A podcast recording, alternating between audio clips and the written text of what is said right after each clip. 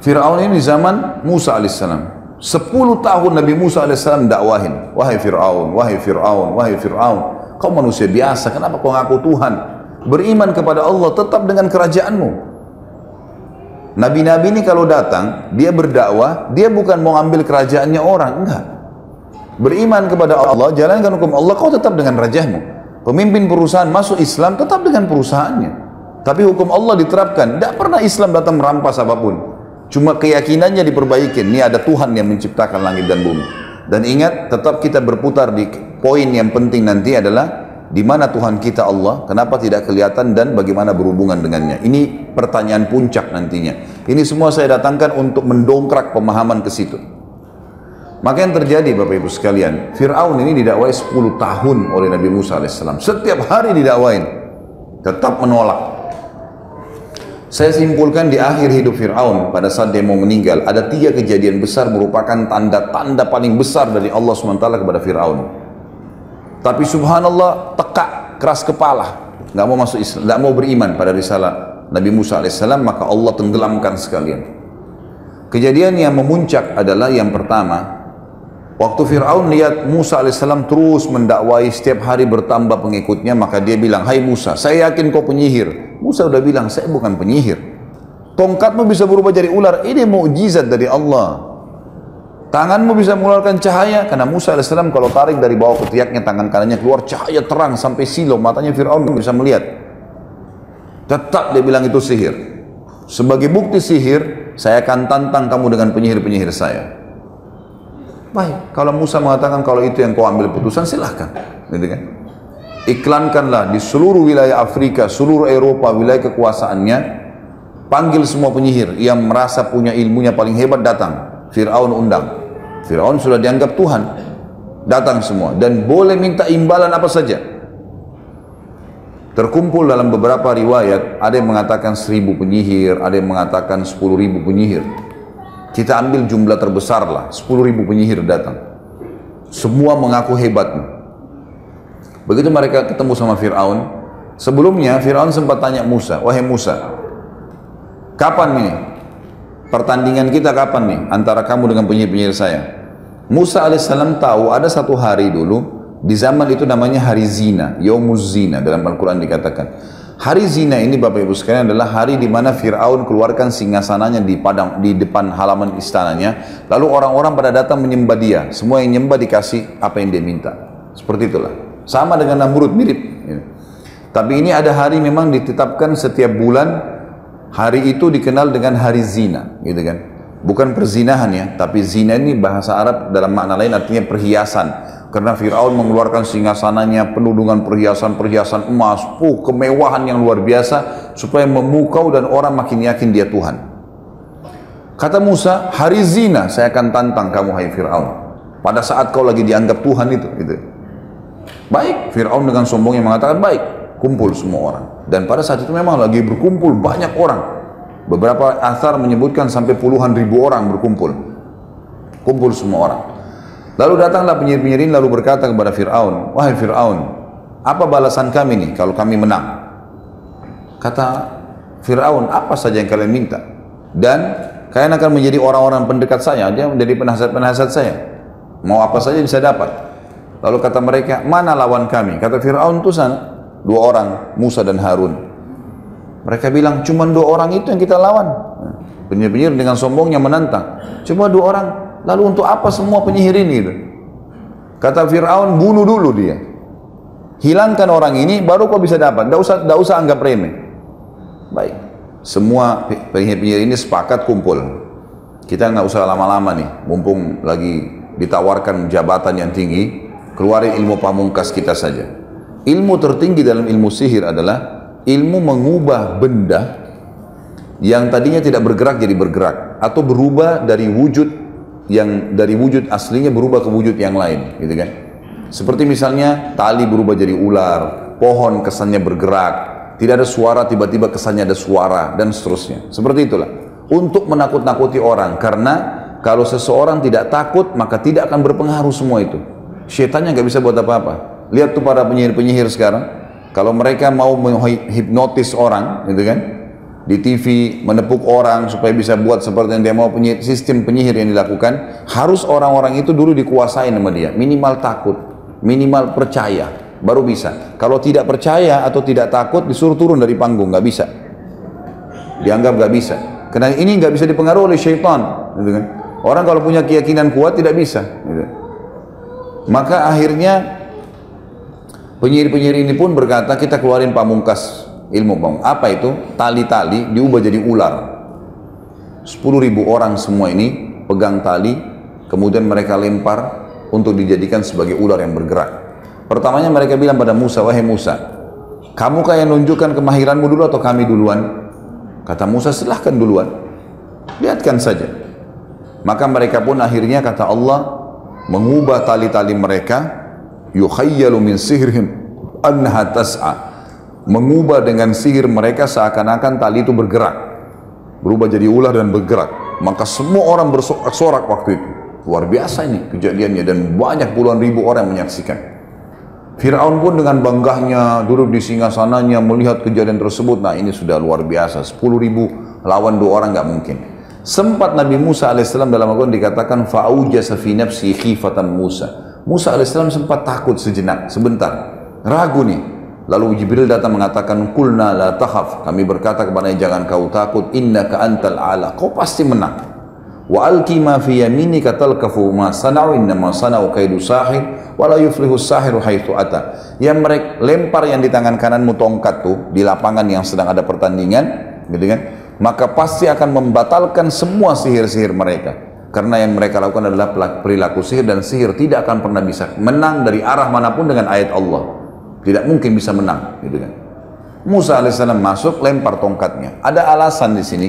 Kenapa Al-Quran menceritakan kepada kita? Tiba-tiba waktu tongkat Musa alaihissalam dilempar dan jadi ular, seluruh penyihir tersebut sujud dan berkata kami beriman kepada Tuhan yang Musa dan Harun. Apa rahasianya itu? Karena ternyata penyihir-penyihir ini tahu tali yang mereka lempar jadi ular tidak bisa menyerang jadi kalau kita pun mengatakan bismillah atau billah bisa kembali kepada wujud aslinya. Batal tuh setan yang menghiasinya hilang. Maka mereka tahu betul itu sihir. Musa alaihissalam lempar tongkatnya berubah jadi ular besar. Mereka ular kecil ini ular besar dan ularnya Musa alaihissalam jalan lalu makan. Dimakanin satu-satu tuh ular mereka. Semua sampai ular terakhir yang 10 ribu. Maka karena kejadian tersebut kata Allah faulkiyas saharatu sujada. Semua penyihir sujud tiba-tiba. Qalu amanna bi rabbi Musa. Kami beriman kepada Tuhannya Musa dan Harun, gitu kan. Ini kejadian di depan matanya Firaun di seluruh di depan seluruh pengikutnya pada saat itu. Berarti dikalahkan nih. Dan Musa alaihissalam sekali lagi tidak minta Fir'aun untuk tinggalkan kerajaannya, tidak. Cuma beriman sama Allah, tetap kamu raja. Gak diganggu sebenarnya. Tapi tetap kejadian ini tidak membuat Fir'aun beriman. Tidak beriman. Lalu apa yang terjadi? Kita lihat kejadian besar yang kedua. Allah datangkan lagi. Ini saya bilang Bapak Ibu sekalian. Kalau orang tidak gunakan akal fikirannya, hati nuraninya, sudah ada peringatan tidak dipegang, sudah ada peringatan, ya, sudah ada sampai kepada kita informasi untuk ibadah, tidak mau ibadah, maka nanti Allah datangkan peringatan lebih besar daripada itu. Kejadian kedua yang besar pada saat itu, Berjalanlah kehidupan Fir'aun seperti biasa, Musa AS juga berdakwah. Lalu Allah timpahkan cobaan yang berat yang kedua kepada Fir'aun dan pengikutnya, ditimpakan musim peceklik. Kering, Mesir kering.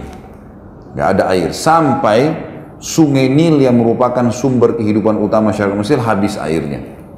Habis kering, gak ada air. Fir'aun berusaha secara manusiawi, gitu kan mendatangkan air, berikan tumbal. Ini sungai ini sudah dilemparin sapi, semparin kambing, lemparin anak gadis, tumbal, nggak kalah ada airnya.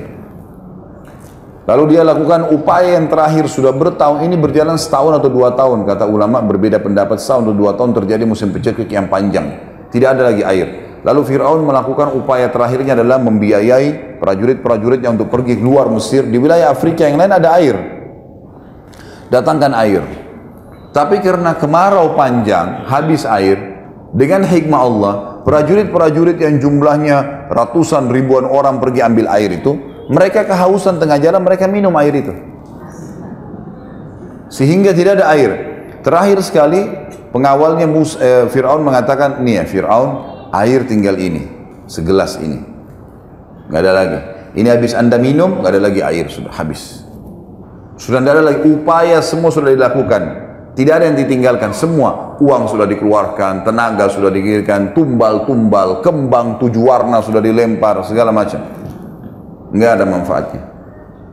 Fir'aun bilang, ini lucunya Tuhan bermusyawarah nih. Apa saran kalian? Mereka semua diam, tidak ada lagi. Apa yang mau dilakukan? Semua sudah dilakukan upaya maksimal dan begini caranya Allah mengingatkan sebenarnya. Gitu kan? Terakhir ada satu orang penasihatnya bilang, begini Fir'aun, ada satu yang belum anda lakukan, tinggal satu ini, nggak ada lagi sudah. Fir'aun dengan semangat, apa itu? Anda belum minta kepada Tuhannya Musa. Tinggal itu tuh yang belum. Yang lain semua sudah kita usahakan. Maka dengan semangat dia mengatakan baiklah panggil Musa. Dengan hikmah Allah Musa alaihissalam dengan orang-orang beriman ini tinggal di satu lokasi, gitu kan? Di wilayah Mesir juga di pinggiran Mesir ada sumur airnya banyak. Jadi orang beriman subur saja nggak ada masalah dan Fir'aun tidak tahu kalau ada subur di situ. Musa alaihissalam hidup makmur, nggak ada masalah. Datang Musa alaihissalam ke istana. Fir'aun tidak mau tunjukin ya kelemahannya, lalu dia bilang, wahai Musa, kau mengaku punya Tuhan yang bisa mampu mengerjakan apa saja. Bukan begitu? Kata Musa, iya benar. Baik, sekarang kau tahu Mesir lagi ditimpa peceklik, panas. Sungai Nil pun habis airnya. Ini masyarakat kehabisan air. Kalau Tuhanmu bisa turunkan hujan dari langit, maka saya akan beriman. Musa alaihissalam senyum berkata, wahai Fir'aun, betul yang kau ucapkan ini? Kalau Allah Tuhanku diulangi begini, Tuhanku dan Tuhanmu Allah menurunkan air dari langit dan hilang nih masalah di Mesir, kau akan beriman? Kata Fir'aun, kalau Tuhan mau turunkan hujan dari langit yang saya tidak bisa lakukan, tentu saja. Gitu kan? Dan ini jadi saksi semua nih. Orang-orang dayang-dayangnya, Perdana Menterinya, semua jadi saksi semua. Di depan mata Fir'aun, Musa alaihissalam angkat tangan mengatakan, Ya Allah, zat yang telah menahan turunnya hujan untuk masyarakat Mesir. Jadi bahasanya jelas, ini yang menahan hujan kamu ya Allah gitu kan. Ya Allah zat yang telah menahan hujan untuk masyarakat Mesir. Turunkanlah hujan ini sebagai tanda kebesaranmu. Belum Musa AS turun, turunkan tangannya, hujan lebat sebulan. Sebulan non-stop sampai sungai Nil penuh. Semua masyarakat hidup tenang lagi kembali. Pertanyaannya, beriman ke Fir'aun?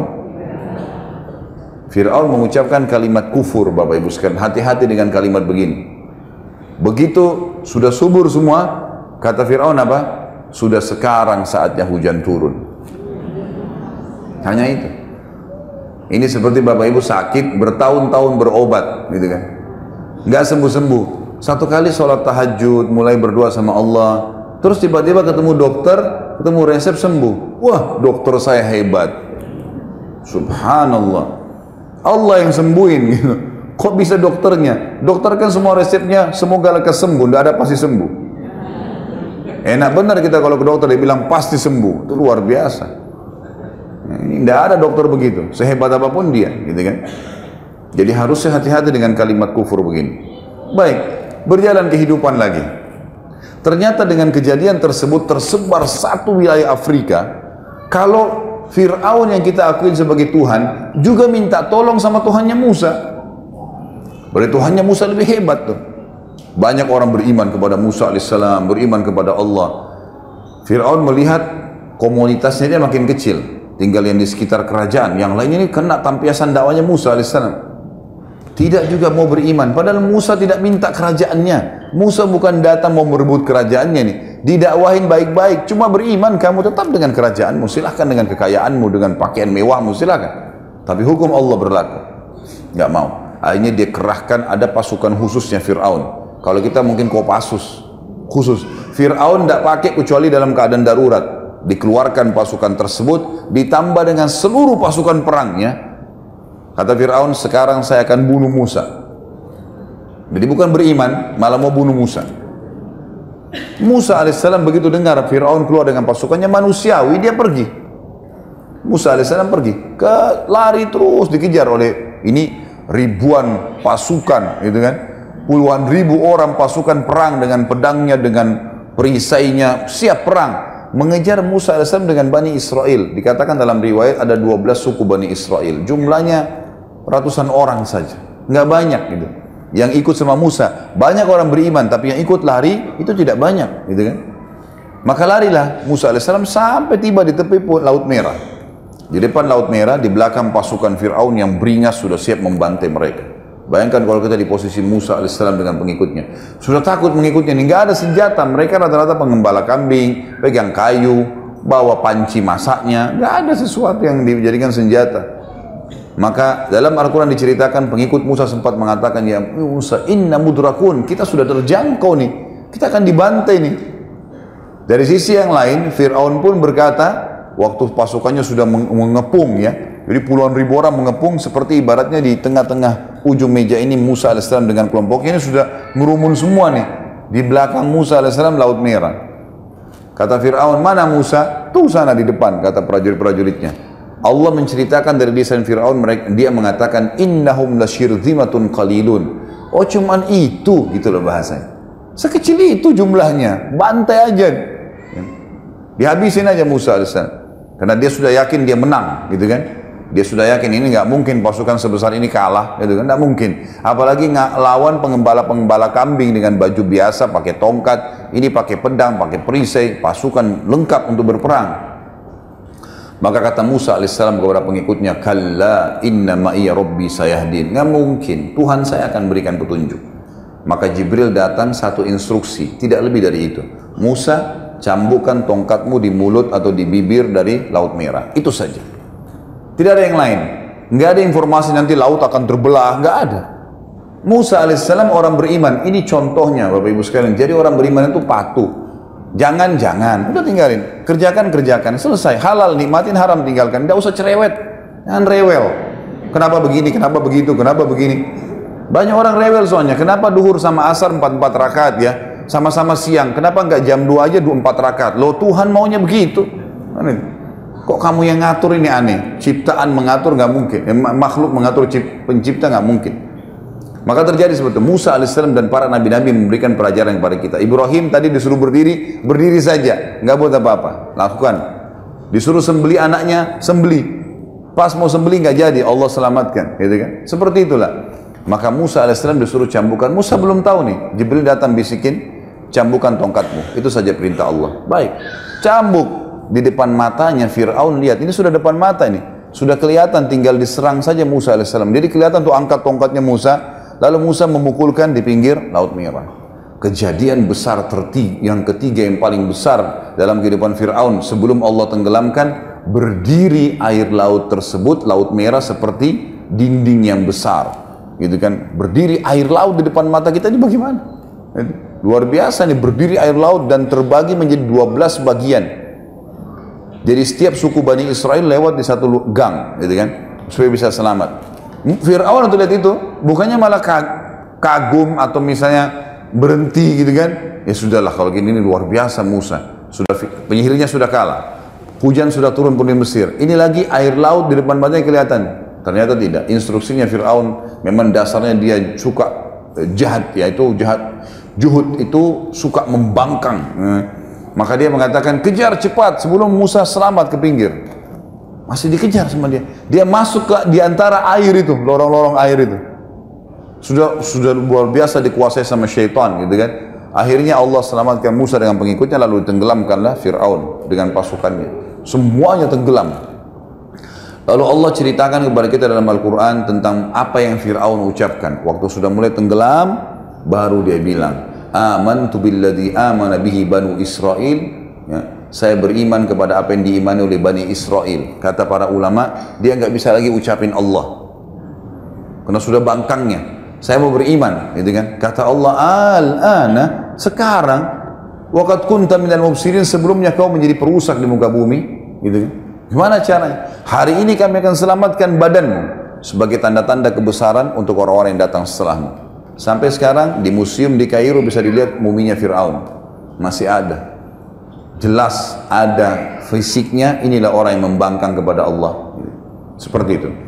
Maka habislah kehidupan Fir'aun yang penuh dengan kerajaan, kekayaan, kelebihan fisik, pasukan yang kuat hanya karena kufur kepada Allah.